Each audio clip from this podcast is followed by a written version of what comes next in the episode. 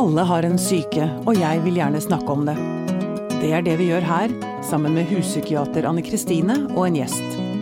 Dette er Pia om syke. Jeg husker i første episode, Anne Kristine, eh, da vi hadde Rigmor Galtung, så snakket vi om psykose, og så omtalte jeg det som siste stopp. Ja. Noe slags, ikke sant, noe fra mani, ja. Mm. Men det er jo faktisk ikke siste stopp, for i dag skal vi virkelig snakke om siste stopp. Mm. nemlig døden. Ja. Og det er et sånt rart tema på en eller annen måte, fordi vi aner jo egentlig ikke hva det er. Det er bare Ja, og vi vet jo faktisk ikke engang om det er siste stopp. Nei, det, har, det er også et godt poeng, men det er vel et slags siste stopp for psyken, får vi tro, da. Håper det ikke man drar med seg psyken sin Jeg gidder ikke å være Nei, bipolar vi kan- i himmelen, altså. det må jeg få lov til å slippe. Ja, Ja. Jeg, jeg tror vi satser på det. Ja, jeg tror vi satser på det. Ok, i dag skal vi snakke med en som eh, man vel kan kalle en slags ekspert på døden. Kan vi det? Sykehusprest Kjetil Moen? Ja, jeg, jeg vil være forbeholden med å kalle meg ekspert på døden. Jeg vil det, altså. Men jeg, jeg har vært i befatning med han. Du har, du I noe, har I hvert fall andres død, da. Ja, Mm, ja, nettopp. Det ville vært imponerende om du hadde vært i befatning med din egen død. sant, nettopp. Mm. Men for du har rett og slett eh, Du har ikke, du har ikke mm, studert døden sånn sett, men du har studert hva som skjer med mennesker som jobber tett på døden. Det stemmer. Ja. Og, ja. Mm, Du har skrevet en doktoravhandling. det er helt korrekt. Ja. Um, jeg har lyst til å si at jeg, jeg, jeg kjenner denne lysten, man blir litt sånn lyrisk. Eller sånn Jeg tenker at Jeg tenker at man kommer ekstremt tett på livet når man er i nærheten av døden. Skjønner du hva jeg mener med det? Mm. Kjen- kjen, er det noe du har opplevd? Altså, du har vært sykehusprest i hvor mange år? Eh, ikke så veldig mange, men i noen skjellsetende, vil jeg si. Altså, det har vært viktige år for meg, men det har ikke vært så veldig mange. Nei. Men en sykehusprest, din jobb er å Bare for å ta liksom det Det, fakta det er å jeg skal si det enkelt og litt komplisert å yte eksistensiell omsorg.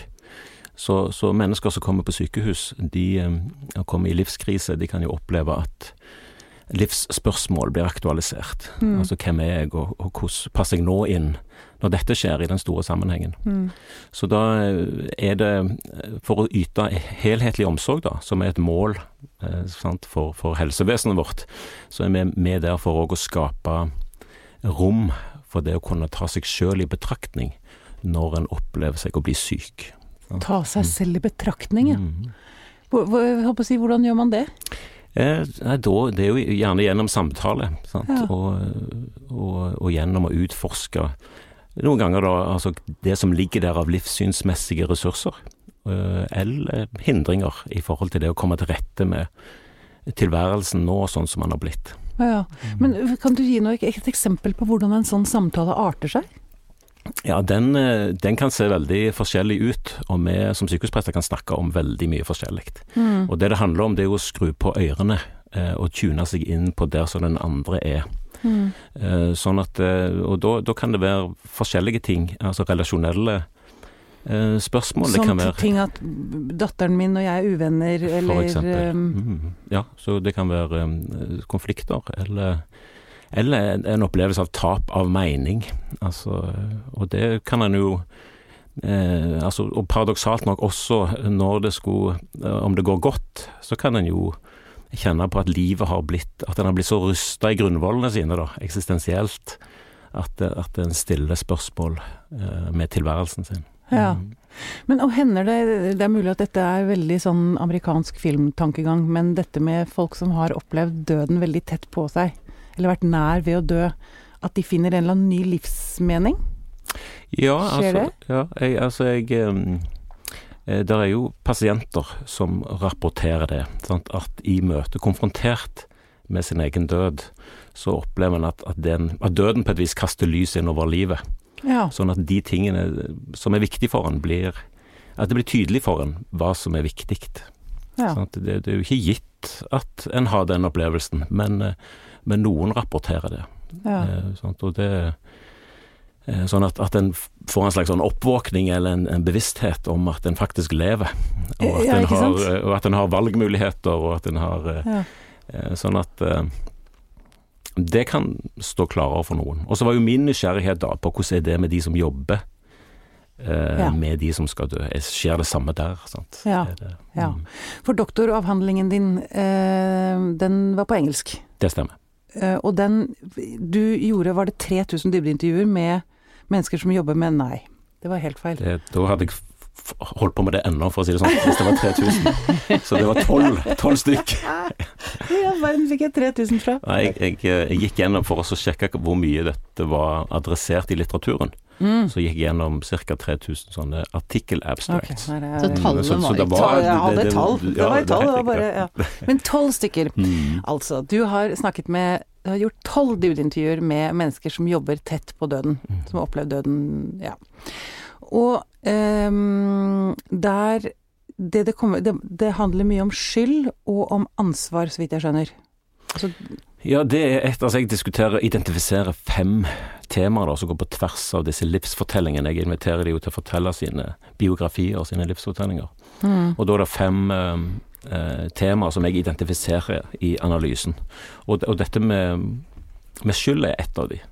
ja, Sant, og da går det på Ja, det går på eh, Altså, det kan jo være en, en eh, skyld for noe en har gjort eller ikke gjort konkret. Men det kan òg Nå snakker vi om helsearbeideren som Da helsearbeideren ja. i, i, som er oppe i en situasjon der det er en pasient som er alvorlig syk og i ferd med å dø. Eh, og, og da eh, Så en kan kjenne eh, en slags skyldfølelse konkret for noe som en har gjort eller ikke gjort. Men det synes òg å være altså, skyldfølelse bare knytta til det, nesten bare det å være der. Sånn at, at karakteren Altså dø, på døden, altså det er jo dette at det er så irreversibelt. Mm. Som en av mine informanter sa, at du får bare én sjanse. Ja. Og da Altså det forsterker ansvarsfølelsen. Så da blir eh, eh, det med skyld eh, altså Når jeg diskuterer det, så er det noe av det jeg, jeg, jeg, jeg tenker rundt det, da. Mm. At eh, den død, karakteren på døden, dette at det er så absolutt og eh, irreversibelt. Sant? Jeg Mm. kan liksom ikke skru det tilbake på noe vis. Nei. Og at det òg gjør noe med helsepersonells opplevelse da, av å stå i de situasjonene. Ja. Og vil du er det en, på, er det en sterk påkjenning? Ja, altså jeg, jeg møter jo altså Noen av de jeg snakker med, de har jo vært Altså, de har lang fartstid. Altså eh, kanskje 30, over 30 år. Mm. Og, og har minner øh, Gjerne fra de først eh, kom ut i felten, som sitter spikra ennå. Og som ligger liksom rett under overflaten i forhold til erfaringen de har gjort seg, som har vært krevende, og som har vært Som har vekt en skyld eller skamfølelse hos de. Sånn at det er det flere som forteller om. Mm. Men jeg håper å si, det, det kan man jo føle på selv om man ikke jobber som helsearbeider. Altså, det, jeg husker jo det etter at pappa døde, veldig brått, og jeg ikke fikk tid til å ta ordentlig avskjed. Eh, Så sleit jeg mye med skyld etterpå for ting jeg ikke hadde sagt, eller altså, ja, det skjedde ting i den forbindelse som, som plaget meg, og kan fortsatt plage meg, faktisk. Det er ikke uvanlig det, Anne Kristine, for holdt å si, oss som ikke jobber tett på døden. Nei, det er veldig vanlig. Altså, jeg tror skyldfølelse er noe veldig mange kjenner på, både i møte med, med døden, men også i møte med sykdom. Og jeg som jobber en del med barn som pårørende, vet jo det at når foreldre blir syke, så kan jo barn få tanker om at det er deres skyld. Mm. Så det er eh, Det tror jeg er veldig sånn allmennmenneskelig. Mm. Men jeg holdt på å si, hvordan kan man eh, bearbeide den skylden? Hvordan kan man best møte den? Altså, Når det kommer kasta på meg 'jeg skulle gjort sånn' Dette er jo faktisk noe jeg ikke kan gjøre noe med. Og jeg kan jo faktisk innimellom tenke at jeg hadde delvis skyld i at pappa døde, selv om jeg overhodet ikke hadde det. Men allikevel så kan jeg kjenne på det. Og det er jo en byrde som er eh, Altså, ja Det er jo helt fryktelig å forholde seg til. På toppen av all sorgen og savnet og sånn. Ja, og hva er det vi pleier å si her i Pia og sykehjem? Snakk om det. Snakk om det.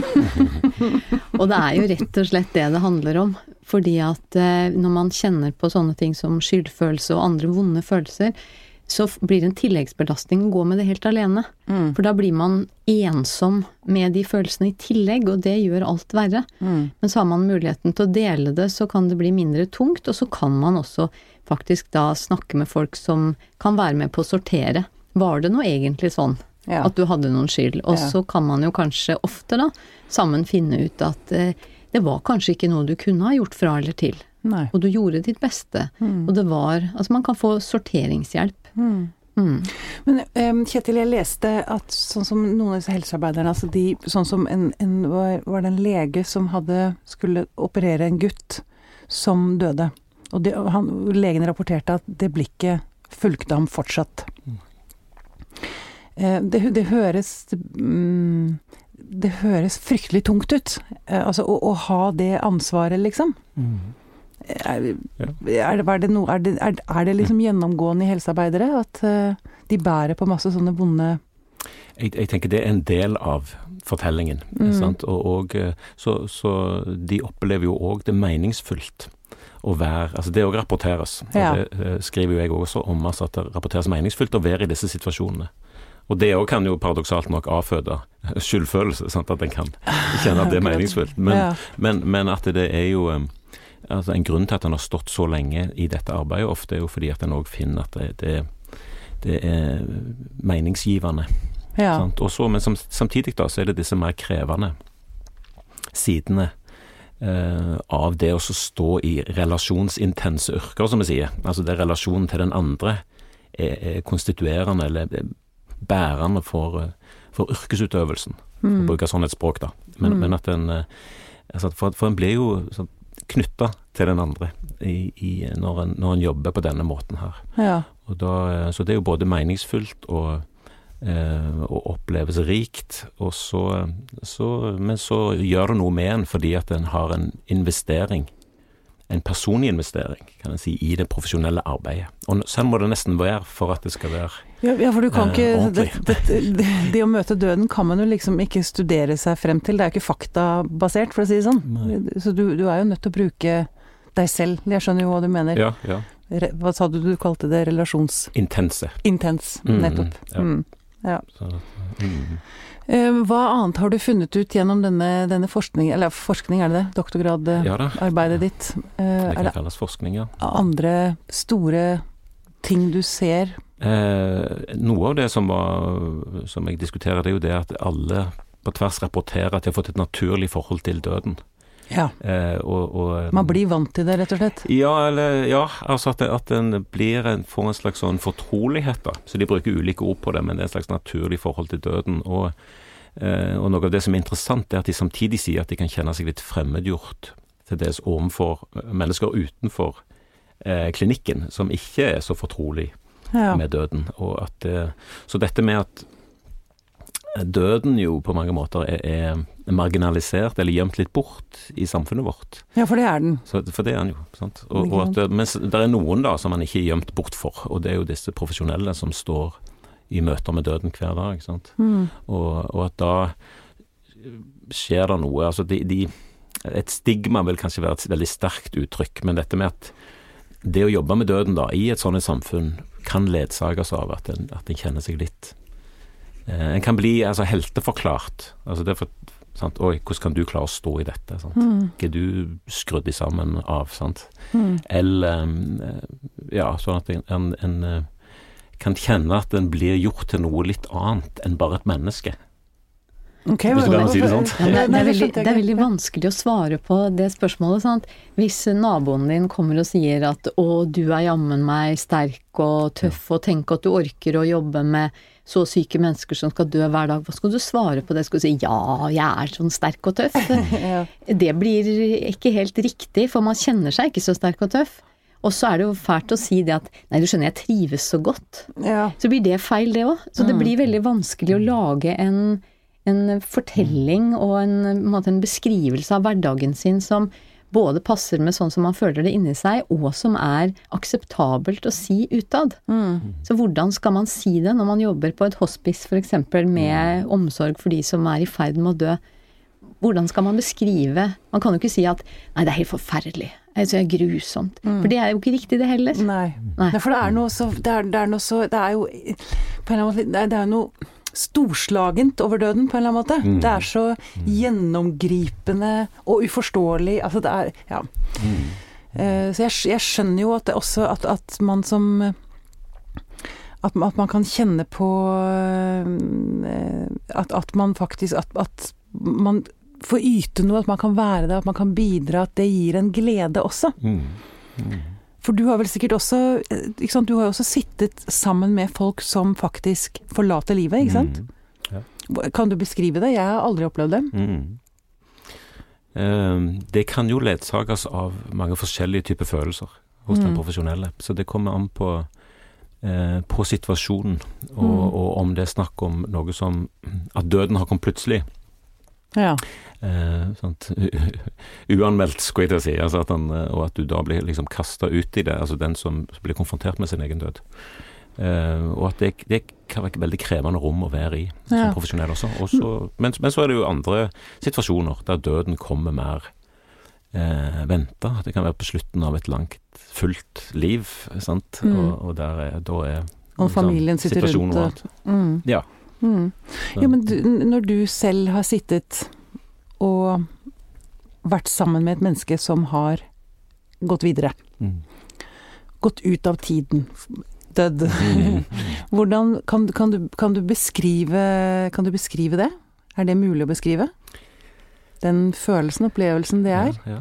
Det er jo på mange måter som å trø inn på hellig grunn, tenker jeg. Altså at Ja. du er eh, Altså du møter mennesker på Ja, eh, på det mest spesielle stedet i livet, Ja. sant. Og, og sånn at en har Iallfall jeg ofte den opplevelsen av at en trør inn og må ta av seg skoene. Sant? For å snakke overført betydning. Ja. Og trø inn forsiktig, men og i ærbødighet over det som er i ferd med å skje. Ja. Så det, det er stort, som du sier. Det er jo det. ja. Mm. Um, um, hvorfor tror vi at døden er blitt så gjemt bort i samfunnet vårt? Når begynte det å skje, egentlig?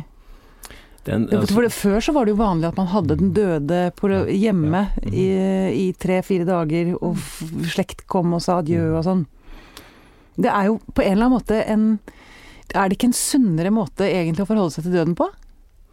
ja, jeg, kan, kan si at, at døden har altså det er de eh, En som heter Aries, som har skrevet en, en framstilling om døden i det vestlige samfunnet, som sier at, at eh, altså i, for en 70-80 år siden så begynte døden å flytte hjemmefra.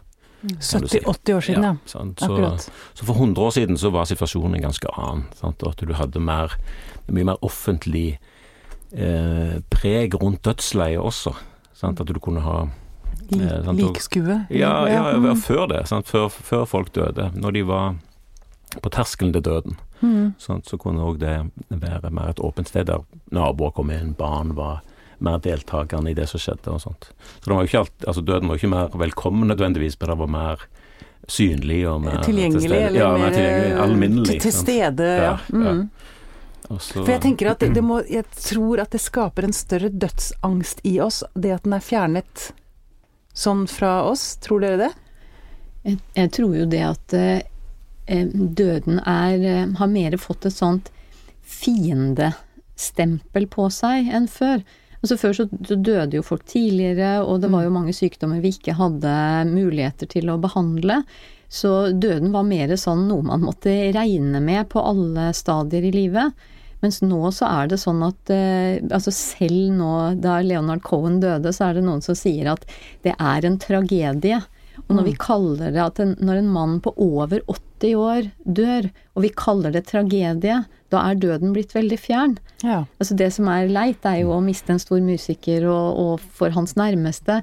Men, eh, men det sier litt om hvordan vi omtaler Altså hvordan vi omtaler døden. Mm. Det er blitt veldig lite naturlig ved døden, enda vi skal alle sammen dø. Det er liksom det eneste som er helt Det er sikkert. det. Men det er blitt en fiende, og man snakker om det. Man kjemper mot sykdommer.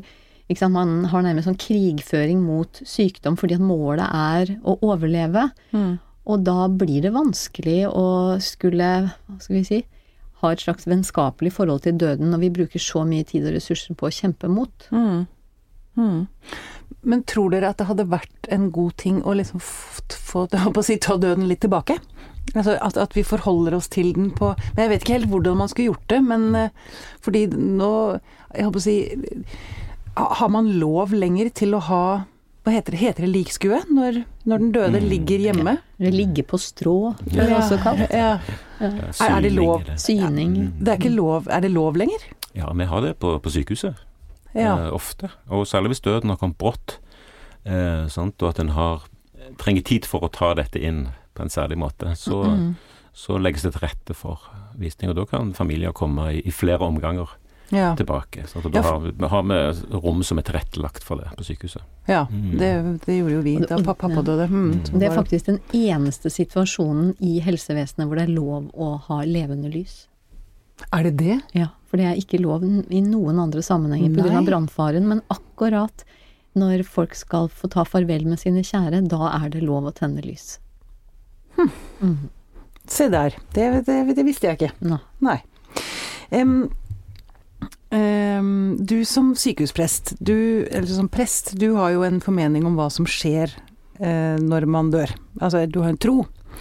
Eh, eh, når man møter døden, endrer folk troen sin? Altså, blir man mer troende? Ser du at, at man da liksom begynner å søke mer enn man har gjort før? Eh, altså Noen gjør det. altså Igjen så vil det være ganske individuelt, altså hvordan dette ser ut. Mm. Sånn at noen vil eh, knytte an kanskje til en barnetro som de har vært litt på avstand ifra gjennom et forholdsvis langt liv, kanskje, og andre vil få problematisere den troen som de kanskje har Mm. eh, hatt gjennom livet. Sånn at det er, det er få altså sånne entydige svar på det. Altså det, det vil se forskjellig ut. Ja. Eh, Sånn at i, når du kommer i en, en livskrise, så kan det som har ramma inn livet ditt, altså bli forsterka eller utfordra, tenker jeg. At, du kan, at vi ser begge de eh, reaksjonene, da. Mm. Sånn at mm. Mm. Ja, jeg så eh, Woody Allen sa det ganske bra. Det er ikke det at jeg er redd for å dø, jeg vil bare ikke være til stede når det skjer. ja, ja, ja, ja. Ja. Som jo er på en måte en annen måte å si det som filosofen Epikur sa for fryktelig lenge siden, at Mm. der jeg er, der er ikke døden, og der døden er, er ikke jeg. Sånn at, de er, sånn at i en forstand så kan vi jo kanskje si at, at det å erfare døden, Mm. altså det er bortenfor erfaringen vår. Mm. Sånn, Så det, at, eh, og det er jo filosofer som har eh, drodla om dette, Ja. men, eh, men at, den, at døden har en sånn karakter at vi, vi kan jo aldri Jeg kan ikke oppleve min egen og rapportere det, sånn som vi snakket om. Nei, og jeg, jeg kan heller for så vidt ikke erfare noen andres. Sånn Nei, det er liksom For der ja. går man jo, det er jo Der er man jo virkelig alene. ja, Mm. Altså, ja. ja, og kanskje av alle ting i livet, så er det der en er alene. Mm. Um, ja. Mm. Men jeg, men jeg husker um, Jon Andreas Håtun, Jon Vel Grande, var jo her for noen um, ja, en stund siden. Og han uh, opplevde jo at hans kone døde i kreft. Um, Annbjørg Sæther Håtun. Og han sa det at Han sa noe fint, for han sa at jeg er ikke redd for den lenger, fordi når kona mi har klart det, så må jeg også kunne klare det. Mm. Mm. Ja. Mm. Det synes jeg, så, for, Mm. Sånn er det jo. Jeg tenker jo også at pappa klarte det jo, han. Altså, han det, er jo, det er jo en god del folk som har gått foran her. Mm. Det er det. det, er det. Ja. Ja. Du er liksom ikke den første som skal gjøre det. Nei, det er ikke det. Mm. Det er veldig Mm. Og jeg håper å si, det er en ting som jeg liker med døden, det er at vi ikke vet. Det er, det er noe veldig Altså, i dag, i dagens samfunn, så er liksom alt skal bevises vitenskapelig, og alt skal liksom kartlegges, og som du sier, alle sykdommer skal hindres, og ikke sant vi, Men akkurat det der, der er, vi, der er vi rett og slett sjanseløse. Ja. Og det er noe litt deilig med det òg, syns jeg. Jeg liker det, kjenner jeg. Noe mer dere tenker vi må ta opp når det gjelder døden? Jeg har, har lyst til å føye til en ting at eh, når det gjelder ikke bare helsepersonell, men eh, kanskje da særlig helsepersonell som, som møter mennesker som skal dø, så er det, det er flere ting som er utfordrende. For det ene er at man blir minna om sin egen dødelighet. Så det setter ganske store krav til mennesker som skal jobbe på den måten at man tør å erkjenne at jeg kommer også til å dø, for det blir man minna på. Mm. Og det andre er det å tåle å ikke hva skal vi si, lykkes i jobben sin. For jeg, det gjorde sånn inntrykk på meg da jeg var turnuskandidat. Mm. Så traff jeg en dame gjentatte ganger, for hun hadde såkalt åpen retur. Altså hun kunne si fra selv når hun ville komme tilbake til sykehuset, for hun var langt kommet syk av kreft. Eh, og hun fortalte meg en ting som gjorde utslettelig inntrykk, og det var at den dagen det ikke lenger var måtte, kurativ behandling, altså det var ikke lenger noe håp om at hun kunne bli frisk, så hadde overlegen på den avdelingen slutta å komme innom på visitten. Og dette var en veldig klok dame, så hun sa det. jeg tror ikke at det handler om at han ikke bryr seg, og han er en fin mann og en klok mann, og han har vært en god lege for meg. Men så sa hun jeg tror at han ikke orker å se meg hver dag fordi at jeg blir en påminnelse om at han ikke lyktes i arbeidet sitt. Ah. Så det, det er en historie som jeg har båret med meg i alle de årene. At eh, det der med at det gjør noe med oss på forskjellige måter Ja. når vi ikke klarer å, å redde noen, og det, altså det må vi snakke om. For vi kan ikke klare å redde alle fra alt. Nei, vi kan ikke det. Døden kommer på et eller annet tidspunkt. Nettopp. Så det er viktig å være, være seg bevisst suksesskriteriene som en setter opp. Og at, eh, men klart i et, i et helsevesen som er drevet mot å skulle helbrede og gjøre friske og slå døden på en måte, så, Mm. så kan dette slå inn. Ja, jeg følger deg på det. Mm. Men døden er rett og slett uslåelig. Ja, kan utsettes, men eh, Ja. mm, Mm. Men den eh, Vi kan ikke vinne over den. mm. Nei. Kjetil Moen, eh, noe du har lyst til å føye til til slutt her? Eh, jeg tenkte litt på dette med, med døden, altså i, i kulturen, da, og at den er marginalisert. Og denne forfatteren som jeg nevnte, han, han kaller når han kommer til vår tid, så snakker han om den forbudte død. Sant, at sånn, sånn at det, det er jo interessant å tenke over alt vi holder på med, altså i forhold til En kan jo tenke på sånn ungdomstyranniet eller skjønnhetsidealene Mm. og alt. altså Handler det om at vi prøver å springe vekk ifra døden? Altså Noen vil jo bruke døden og vårt forhold til den som en for, for, fortolkningsnøkkel på kulturen, og hvordan eh, hva, hva som eh, preger kulturen vår.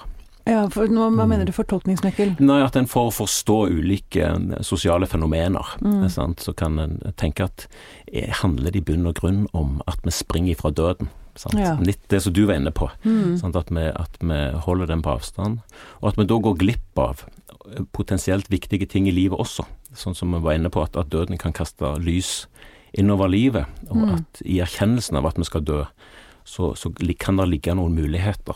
En som heter Jalom, som dere kanskje har snakket om her før, men han, han sier dette om at altså døden som realitet, den ødelegger oss jo, men, men døden som idé, den frelser oss. Altså redde oss, sant? at den skaper en slags bevissthet om at vi lever. Ja. Så det finnes noen eh, paradokser i dette med døden, og noen mulige gevinster, hvis du kan si det sånn. ja. At man rett og slett kan komme tettere på livet Rett og slett. ved å forholde seg til døden. Mm. Mm. Nydelig. Sykehusprest Kjetil Moen, tusen takk for at du kom til oss. Takk for invitasjonen.